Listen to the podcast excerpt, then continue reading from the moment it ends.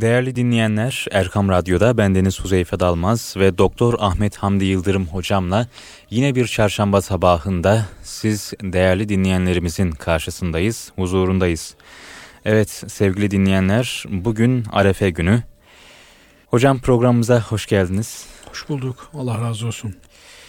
Sağlığınız saatiniz iyidir inşallah hocam. Elhamdülillah. Nihayetsiz hamdü senalar olsun. Bugünlere kavuşturan Mevla Teala Hazretlerine sonsuz teşekkürler ederiz. Evet hocam. Değerli dinleyenler, bugün Arefe günü, yarın bayram. Dolayısıyla Arefe ve Kurban Bayramı ile alakalı sorularımız var. Hocamıza bu sorularımızı yönelteceğiz. İlk sorumuzla başlamak istiyorum hocam. Arefe günü neler yapılır diye bir sorumuz var hocam. Evet Arefe günü neler yapılır? Haçtaki hacılarımız Arafat vakfesini yaparlar. Evet. Peki elhamdülillahi rabbil alemin ve salatu ve selamu ala Resulina Muhammedin ve ala alihi ve sahbihi ve men tebi'ahum bi ihsanin ila yevmiddin. Çok önemli bir zaman dilimine Cenab-ı Allah bizleri kavuşturmuş. Nihayetsiz hamdü senalar olsun. Biliyorsunuz Haç'ta şu anda Arafet Vakfası'nda bulunan hacı kardeşlerimiz Lebbeyk Allahümme lebbeyk Lebbeyk la şerike leke lebbeyk İnnel hamde ve ni'mete leke vel mulk La şerike lek nidalarıyla Arafat dağlarını inletmekteler. Geldim ya Rab, başımla geldim. Emrine amadeyim ya Rab. Hamd sanadır ya Rabbi. Senin hiçbir şerikin yok. Maline gelen bu sözlerle yeri göğü illetmektedirler. Cenab-ı Allah bu manzara karşısında, bu atmosfer karşısında meleklerine dönerek kullarıyla iftihar eder. İnsanlarla iftihar eder. İnsanlar Allah'a kul olmanın lezzetini Arafat'ta böyle yaşarlar. Peki Arafat'ın haricinde kalanlar hac yapma imkanı bulamayan Müslümanların zikri nedir? O da tekbirlerdir. Bunlar da haccın dışında kalan Müslümanlar da Allahu Ekber, Allahu Ekber, La ilahe illallahu, Allahu Ekber, Allahu Ekber ve lillahil hamd tesbihiyle yeri göğü inletirler. Kurban bayramının tesbihi, zikri bu teşrik tekbirleridir. Evet, Biliyorsunuz evet. teşrik tekbirleri bugün sabah namazı itibariyle başlamış oluyor. Teşrik, teşrik tekbirleri kurban bayramına has bir ibadettir. Her farz namazın akabinde özellikle de cemaatle kılınan farz namazların akabinde selamın hemen bitimiyle beraber Allahu Ekber, Allahu Ekber, La ilahe illallah, Allahu Ekber, Allahu Ekber ve lillahil hamd söylenir. Ondan sonra Allahümme entes selamu minkes selam söylenir, okunur. Bu yönüyle teşrik tekbirleri Kurban Bayramı günlerini zikirle zinetlendiren muhkem vaciplerden bir tanesidir. Burada teşrik tekbirleriyle ilgili söylenilmesi gereken bir takım hususlar var Huzeyfe kardeşim. Evet hocam. Müsaadeniz olursa Buyurun bunları hocam. nakledelim.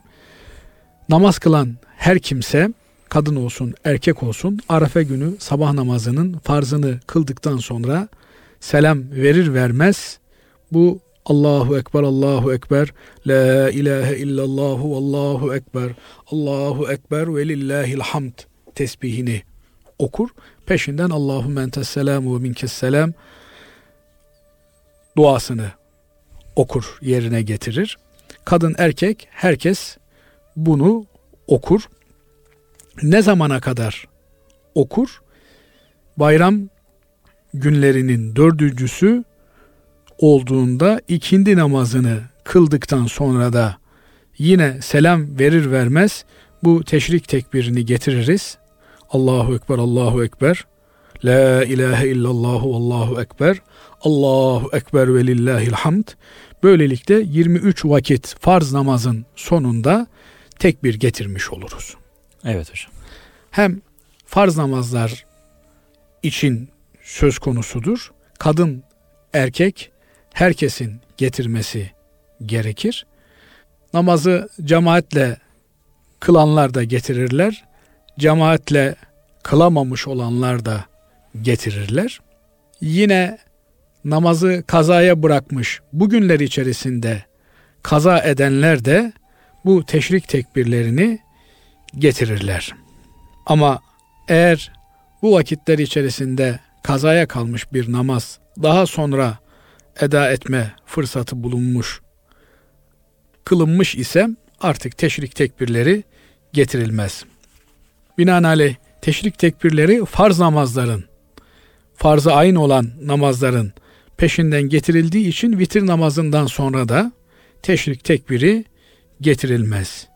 Fakat bu tekbirler Kurban Bayramı'nın en önemli ibadetidir. Bu ibadeti yerine getirmeye her vesile ile Müslümanlar gayret ederler. Sokakta kurban keserken bu teşrik tekbirlerini duyarsınız. Müslümanların bir araya geldikleri ortamlarda teşrik tekbirlerini duyarsınız. Dolayısıyla her tarafın e, sloganı bu teşrik tekbirleridir. Kurban Bayramı günlerince.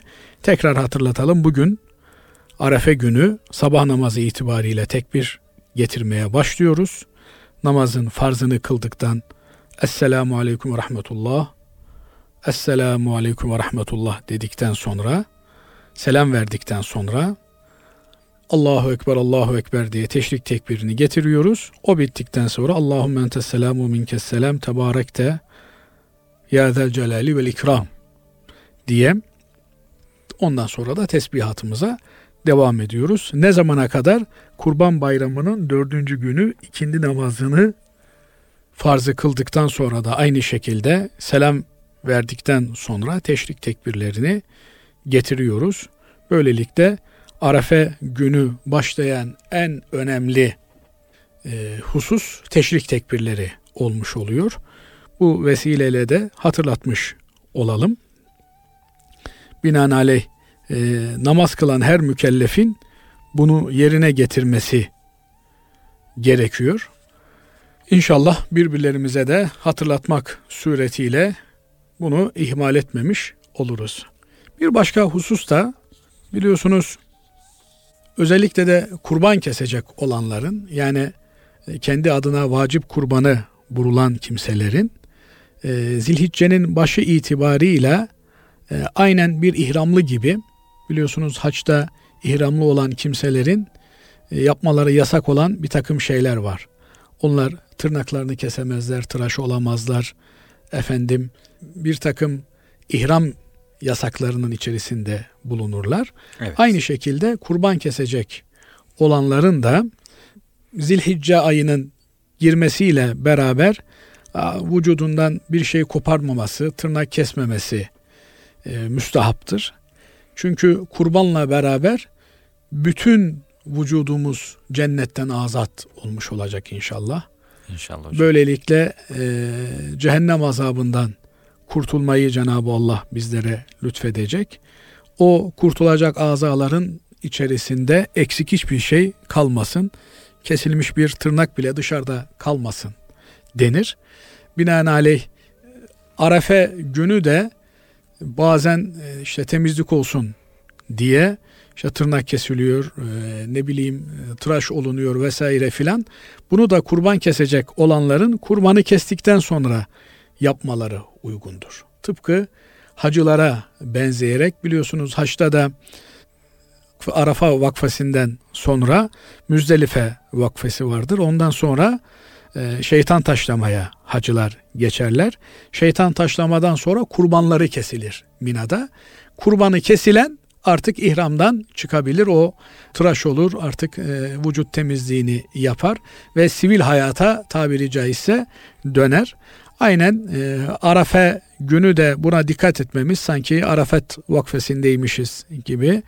Kurbanımız kesildikten sonra bayramın birinci günü işte bayram namazı kılındıktan sonra kurbanlar kesilmeye başlar. Kurbanımız kesildikten sonra iki rekat şükür namazı kılarız. Ondan sonra da işte tırnaklarımızı keser, temizliğimizi yapar.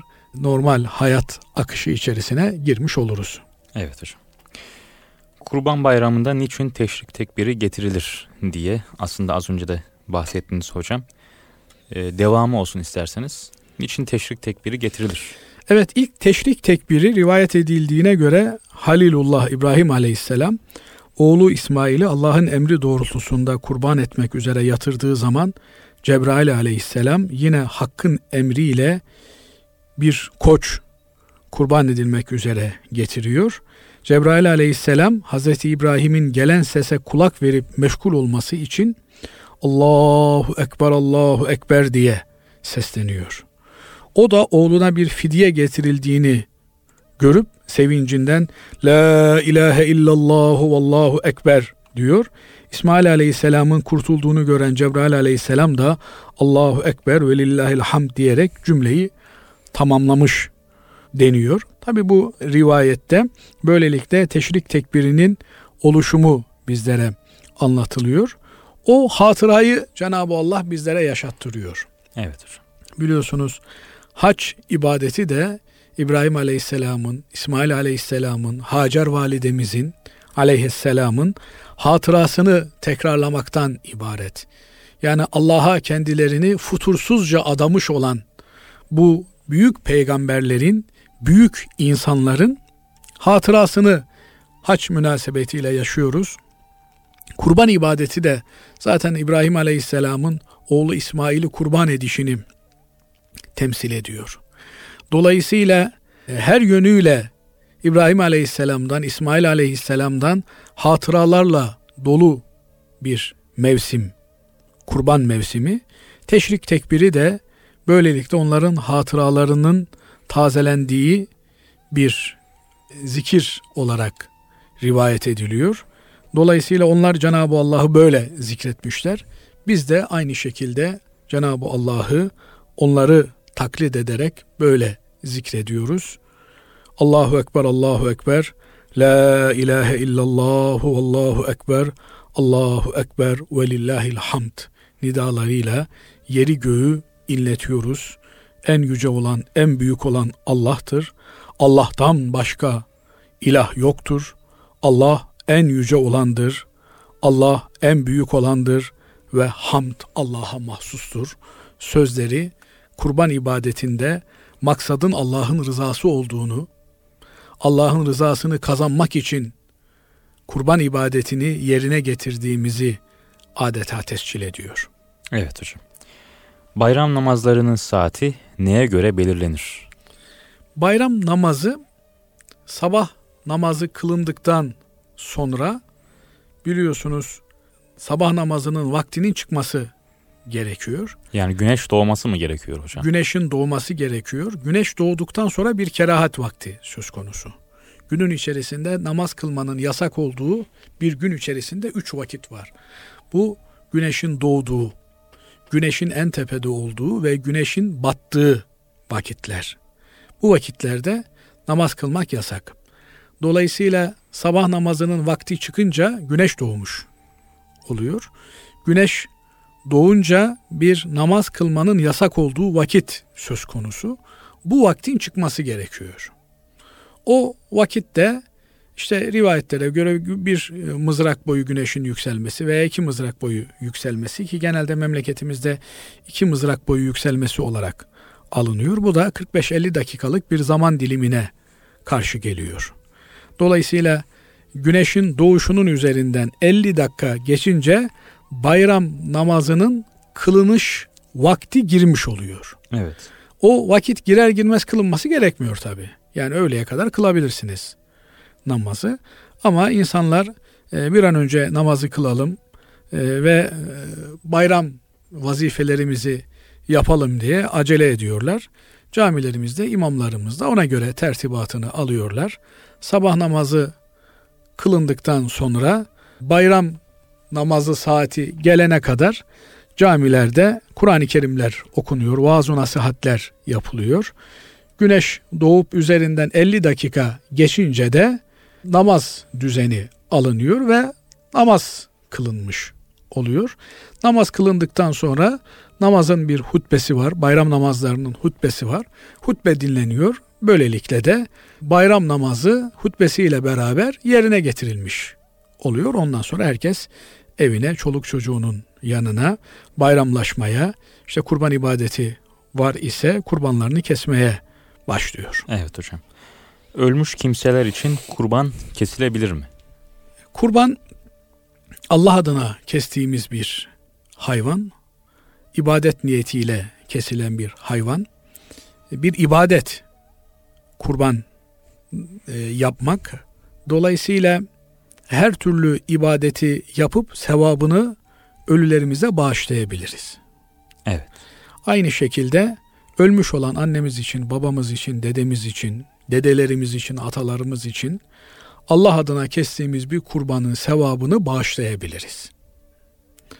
Bu tıpkı hayatta olan bir kimsenin e, kurbanını kesip ona sevabını bağışlamak gibidir. Dolayısıyla Allah adına kestiğimiz kurbanlarımızın sevabını sevdiklerimize, ölmüşlerimize bağışlamamızda bir sıkıntı söz konusu değil. Evet. Besmelesiz kesilen kurbanın eti yenir mi hocam? Şimdi kurban deyince tabi burada kurban bir ibadet, özel bir ibadet. Özel bir takım şartları var. Besmelesiz kesilen hayvan kurban olmaz. Dolayısıyla he, besmele unutmuş olabilir kasap veya işte e, onlarca hayvan kesiyor. O arada bir tanesi özel olarak besmele çekmemiş olabilir. Bu tür durumlarda besmele çekilmiş kabul edilir. Yani besmelesiz kesilmiş hayvan ifadesi çok ağır bir ifade Huzeyfe Bey. Evet hocam. Bu ancak besmele düşmanı olan birinin kestiği hayvan olarak karşımıza çıkarsa o hayvan yenmez. O hayvanın e, murdar olduğunu kitaplarımız bize söyler. Ama bir Müslüman heyecanlanmıştır, besmele çekmeyi unutmuştur. Veya işte yoğunluğa gelmiştir, o arada e, bir hayvana besmele çekmeyi unutmuştur. Besmele çekmeden hayvanı kesmiştir. Bunların hepsinde besmele çekilmiş kabul edilir. Ancak ve ancak besmelesiz bir adamın besmeleye düşman olan bir adamın kestiği hayvan o ağzında söz gelimi besmele çekse de onun kestiği hayvan yenilmez. Ama böyle bir düşmanlığı olmayan bir Müslümanın unutarak kazara besmeleyi söylemeden kesmiş olduğu hayvan yine kurban olarak geçer ve onun eti de yenilir. Evet hocam. Değerli dinleyenlerimiz Erkam Radyo'da bendeniz Huzeyfe Dalmaz ve Doktor Ahmet Hamdi Yıldırım hocamla Erkam Radyo'da İlmihal Saati programımıza devam ediyoruz. Bayram sorularımız vardı. Kurban sorularımızı sorduk. Şimdi bayram günü neler yapmalıyız diye bir sorumuz var hocam. Yarın bayramın birinci günü. Evet. Bayram günü neler yapmalıyız? Bayram bayram namazıyla beraber başlıyor.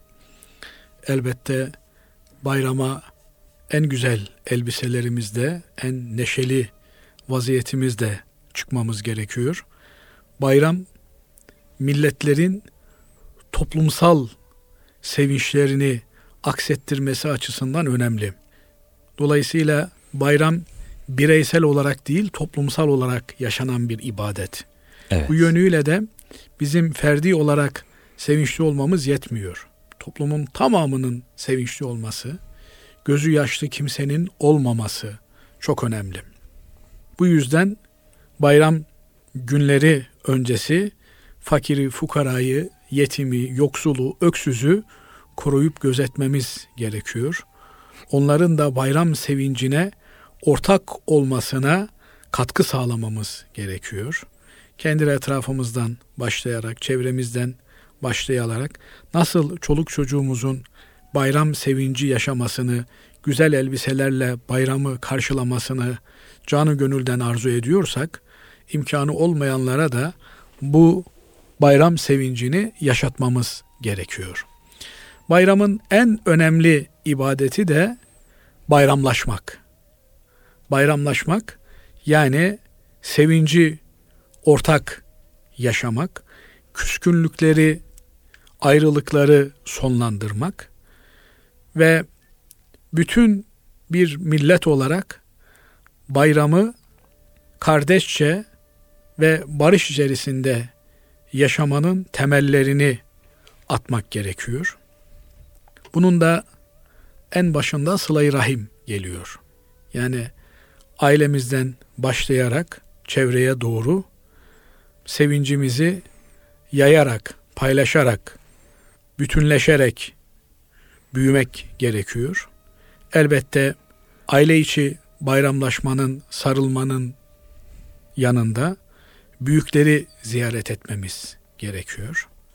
Eğer anne babamızdan uzak isek mutlak surette onların yanına gitmeye, ellerini öpmeye, eğer böyle bir imkan söz konusu değilse muhakkak telefonla dahi olsa arayıp sorup dualarını almaya ihtiyacımız var.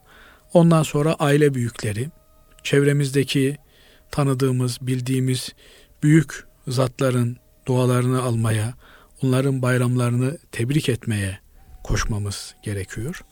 Etrafımızda, çevremizde kardeşlerimizi, tanıdıklarımızı, tanımadıklarımızı, gördüklerimizi muhakkak suretle bayramlaşarak hoş tutmaya çalışmamız gerekiyor.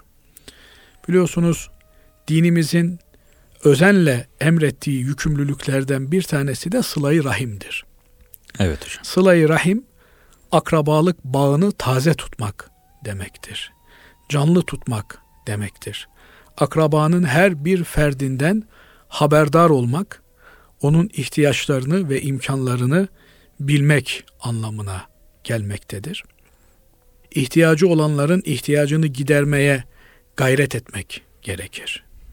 Sıla-i Rahim akrabalık bağıyla bağlı olduğumuz kimseler için üzerimize düşen bir yükümlülük olduğu gibi bir de komşuluk hakkıyla etrafımızda, çevremizde haberi bize ulaşan kimselerin ihtiyaçlarını gidermeye yönelik içtimai bir ibadet ve vazifemiz olduğunu da unutmamamız gerekiyor. Dolayısıyla etrafımızdaki insanlardan bigane, habersiz ve onları umursamaz olarak yaşamamız mümkün değil. Hasta olan varsa hastayı ziyaret etmeli. İhtiyacı olan varsa ihtiyacına yardımcı olmaya çalışmalıyız. Bu suretle zor zamanlarında, sıkıntılı anlarında o insanların yanlarında olduğumuz hissini onlara mutlak surette vermeliyiz, yaşatmalıyız. Bu sözde de kalmamalı. Etrafımızda nelerin olup bittiğinin farkında olmalıyız ve kendi için yaşayan değil, bütün bir insanlık için yaşayan, kardeşleri için yaşayan bir insan olmanın yolunda gayret etmeliyiz. Evet. Cenab-ı Allah bu gayretimizde bizlere muamele eder. Niyetlerimizi gerçekleştirme imkanı da lütfeder inşallah. İnşallah. Kestiğimiz kurban etinin fakir fukaraya dağıtılmasında belli bir oran var mıdır hocam? Evet biliyorsunuz ilk e, kurban farz olduğunda veya vacip olduğunda Hazreti Peygamber sallallahu aleyhi ve sellem Efendimiz kurban etlerinin eve götürülüp saklanmasını yasaklamıştı. Evet. Yani kurban kesiliyor ve kesildiği gibi de ihtiyaç sahiplerine dağıtılıyordu. Niye? Çünkü ihtiyaç sahipleri çoktu. Herkes ihtiyaç sahibiydi. Kardeşinin açlıktan böğrünü büktüğü bir yerde senin ertesi gün için veya bir haftası sonrası için et saklamanın doğru olmadığı aşikardı. Binaenaleyh eğer etrafımızdaki insanlar kurban bayramını, kurban ihtiyacını, kurban eti ne olan ihtiyacı karşılayabilmişlerse kurban etinden dolaplarımıza koyabiliriz, saklayabiliriz. Ama eğer bu ihtiyacı karşılamıyorlar ise o zaman biz de elimizdeki etin tamamını dağıtmak durumundayız.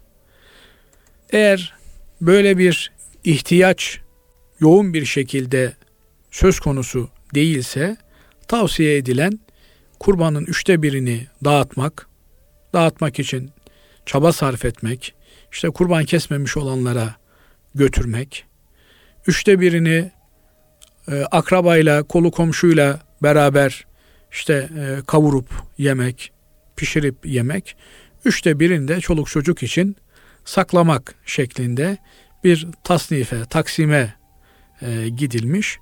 E, bunu uygulayabiliriz.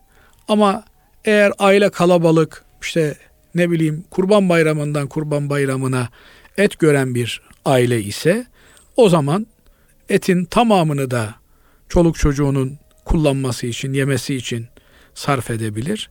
Gelip talep edenlere kurban etinden ikram eder. Ee, bildiği kurban kesmeyenlere o dağıtımda bulunur. Ama kalan kısmını da çoluk çocuğunun yemesi için imkan varsa saklayabilir. Dolayısıyla bağlayıcı bir kesin bir oran söz konusu değil. Bunu daha fazla ihtiyaç belirlemekte. Eğer ihtiyacı olan kimse yoksa etrafında dediğimiz gibi tamamını da saklayabilir. Eğer kendisi zaten çok sık et tüketen bir kimse ise kurban etinin tamamını da bağışlayabilir. Teberrüken bir kısmını kendisine ayırır kurban etinden yemiş olmak için.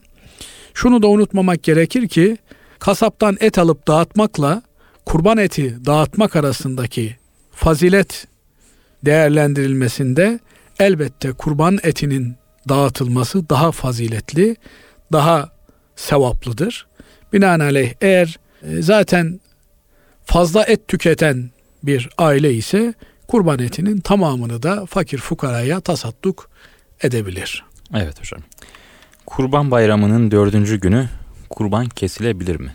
Bu zamana kadar biz hep kesilmez diye duyduk. Ama hocam... Kurban bayramının Hanefi mezhebinde üçüncü günü akşam ezanına kadar kurban kesilebilir. Evet. Ondan sonra Hanefi mezhebinde kurban kesim işi kapanmıştır. Dolayısıyla e, üçüncü gününe kadar kurban kesimini tamamlamak gerekiyor. Evet. Kurban kestikten sonra şükür namazı kılınabilir mi? Evet, kurban kestikten sonra peşinden şükür namazını kılmak gerekiyor. Yani e, kılmak sünnettir. Efendimiz Aleyhisselatü Vesselam öyle yapmış. Yine aynı şekilde eğer uzakta kurban kestiriyorsanız e, kurban kesim haberini aldıktan sonra siz evinizde veya işte bulunduğunuz yerde iki rekat şükür namazı kılarsınız. Çünkü e, Allah'a kurban takdim edebilmek başlı başına şükrü mucip bir durumdur. Teşekkür etmeyi gerektiren bir durumdur. Biliyorsunuz yeryüzünde ilk cinayet kurban meselesinden işlenmiştir. Habil ve Kabil iki Adem Aleyhisselam'ın çocuğu Allah'a kurban takdim etmişler. Allah Teala Habil'in kurbanını kabul etmiş, Kabil'in kurbanını kabul etmemişti. Kabul edilmediği için Kabil kardeşine karşı bir kin beslemiş, husumet beslemiş ve netice onu öldürmeye kadar gitmişti. Dolayısıyla kurbanın kabul olması ayrıca şükrü gerektiren, teşekkür etmeyi gerektiren bir durumdur. Yeri gelmişken e, Ruhul Beyan'da e, zikredilen bir anekdot var. İşte e, Habil'in Cenab-ı Allah'a en güzel, en besili koçunu kurban olarak takdim etmesi üzerine o koç e, kabul edilmiş ve saklanmış. Vakti günü geldiğinde de İbrahim Aleyhisselam'ın oğlu İsmail'i kurban edeceğinde o koç fidye olarak, kurbanlık olarak gönderilmiş ve o koç kurban edilmiş. Biliyorsunuz ilk e, dönemlerde kurbanlıklar yüksekçe bir tepeye bırakılıyor ve gökten gelen bir ateş o kurbanlığı alıyor veya yakıyor şeklindeydi. Bu şekilde Habil'in en güzel, en besili koçunu Cenab-ı Allah'a kurban etmesi üzerine gökten gelen bir ateş o kurbanı alıyor. Ama Kabil'in o da ziraatle meşgul oluyordu. Çer çöpü nasıl olsa yanacak diye Allah'a kurban edişi üzerine Cenab-ı Allah onun kurbanını, adağını kabul etmediği görülüyor. Onun için Cenab-ı Allah ancak salih kullardan kabul eder. Yani salih olan kullar, iyi olan kullar Allah'a kurban ibadet etme, kurban ile ibadet etme imkanına sahip olurlar. Bu nedenle bir şükür namazı kılmak gerekir. Kurban ibadetini yerine getirebilmiş olmanın verdiği o nimete mukabil Allah'a şükür olsun diye iki rekat namaz kılınır. Bu namazı kılmak sünnettir. Ee, imkanı olanın bu namazı kılmayı da ihmal etmemesi önemli tabi. Evet. İsteyen kişi yani imkanı olan kişi istediği zaman kurban kesip fakir fukaraya dağıtabilir mi?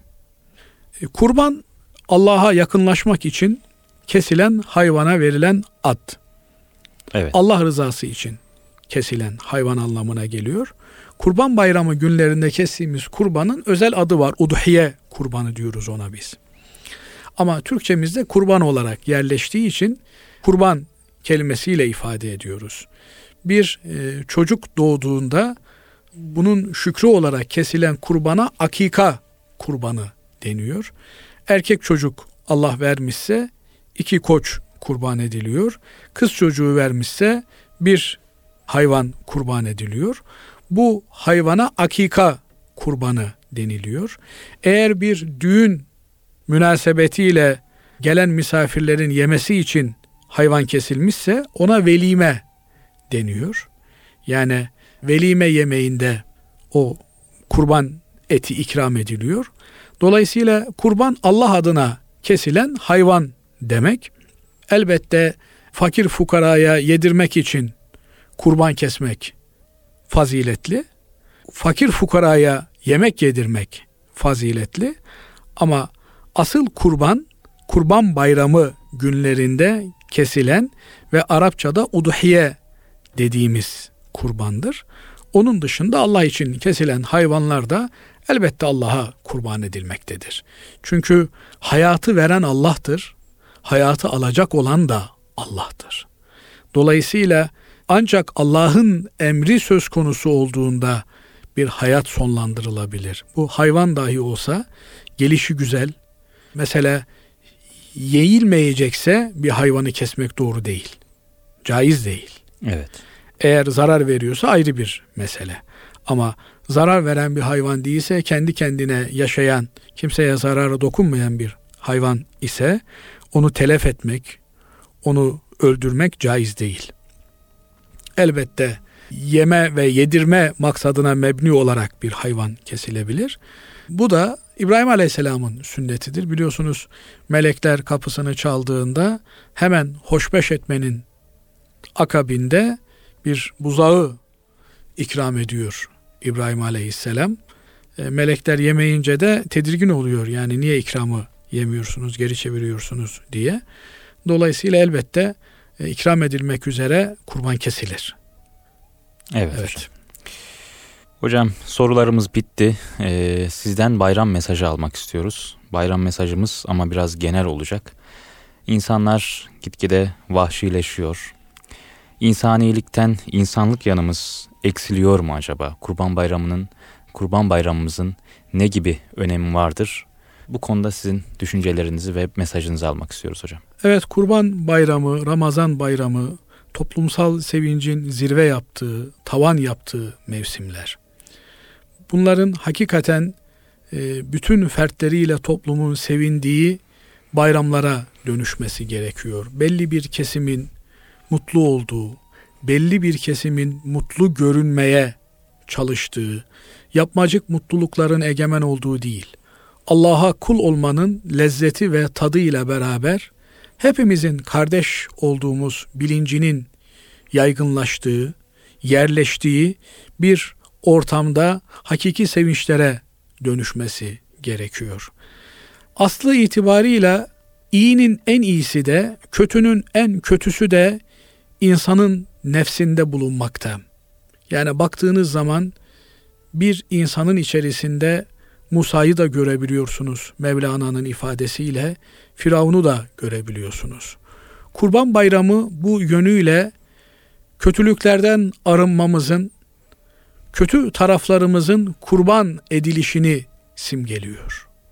Yani o içimizdeki vahşet duygularını, içimizdeki şiddet duygularını belki bir hayvana göstereceğimiz merhametle o kurban edeceğimiz, biraz sonra keseceğimiz, bayram günü Allah'a takdim edeceğimiz o koyunu, koçu, ineği, öküzü her neyse severek, okşayarak, onunla hislenerek Allah'a takdim edişimiz de onun kanının akmasıyla içimizdeki şiddetin dışarıya taşması, o şiddetten kurtulmamız ve insani yönümüzün, merhamet duygularımızın depreşmesi gerekiyor. Yunus'un dediği gibi sevelim, sevilelim, dünya kimseye kalmaz. Hakikaten bu dünyada en büyük sermaye muhabbet sermayesi. Bu muhabbetin, sevginin öncelikle Allah'a karşı hakiki bir muhabbete dönüşmesi, sonra da yaradılanı sevmek, yaradandan ötürü ilkesince Allah'ın yarattığı her şeye karşı muhabbeti canlı tutabilmek, sevebilmek, sevilebilmek ve bunu yaşayabilmek bu yönüyle bayramlar bize birer antrenman imkanı veriyor. Yapmacık dahi olsa gülmeye, sevmeye, kardeşlerimizle iletişime geçmeye çalışmamız gerekiyor. Evet. Ama bunu yapamazsak o zaman gelecek günler adına, çocuklarımız adına, dinimiz adına ciddi endişeler bizi bekliyor. Bayramda bile iletişim kuramadığımız insanlara hayrı, hakikati, doğruyu nasıl anlatma imkanı bulabiliriz ki? Dolayısıyla Cenab-ı Allah böyle fırsatlar bize veriyor. Bayramlar gibi fırsatlar. Her türlü engeli kaldırmanın bir bahanesi var. Bugün bayram diyorsunuz. Dolayısıyla engelleri kaldırabilmenin yolunu bulmamız gerekiyor. Kardeşliği tesis edebilmenin imkanını aramamız gerekiyor. Bunun da ilk başta geçtiği yer Allah'la olan bağımızı güçlü tutmak, onca nimetleri veren, onca güzellikleri veren, sayısız imkanlarla bizleri donatan Mevlamıza teşekkür edebilmemiz ve ona kendimizi adamamız gerekiyor. Kurban o kurban ola ki, bayram o bayram ola ki inşallah Allah'la muhabbetimizi taze tutup cehennemden azat olduğumuzun belgesini aldığımız gün hakiki bayram olacak inşallah. Bu duygularla bütün dinleyenlerimizin mübarek kurban bayramlarını tebrik ediyorum. Bu vesileyle Allah'a yakınlaşmanın zirve yaptığı şu saat dilimlerinde önce kendim için, bütün Müslüman kardeşlerimiz için dua etmelerini istirham ediyorum. Dualarda buluşmak ve dua dua Allah'a yükselmek niyetiyle Allah'a emanet olsunlar diyorum. Allah razı olsun hocam. Çok teşekkür ediyoruz. Evet değerli dinleyenler bendeniz de mübarek kurban bayramınızın ülkemize, milletimize ve tüm İslam alemine hayırlar getirmesini, memleketimizin üzerindeki kara bulutların yerini aydınlığa bırakmasını diliyorum Yüce Rabbimden. Sizlere de, siz değerli dinleyenlerimize de çok teşekkür ediyorum ve hayırlı bayramlar diliyorum. Bir sonraki programda yeniden buluşmak ümidiyle hoşçakalın, Allah'a emanet olun.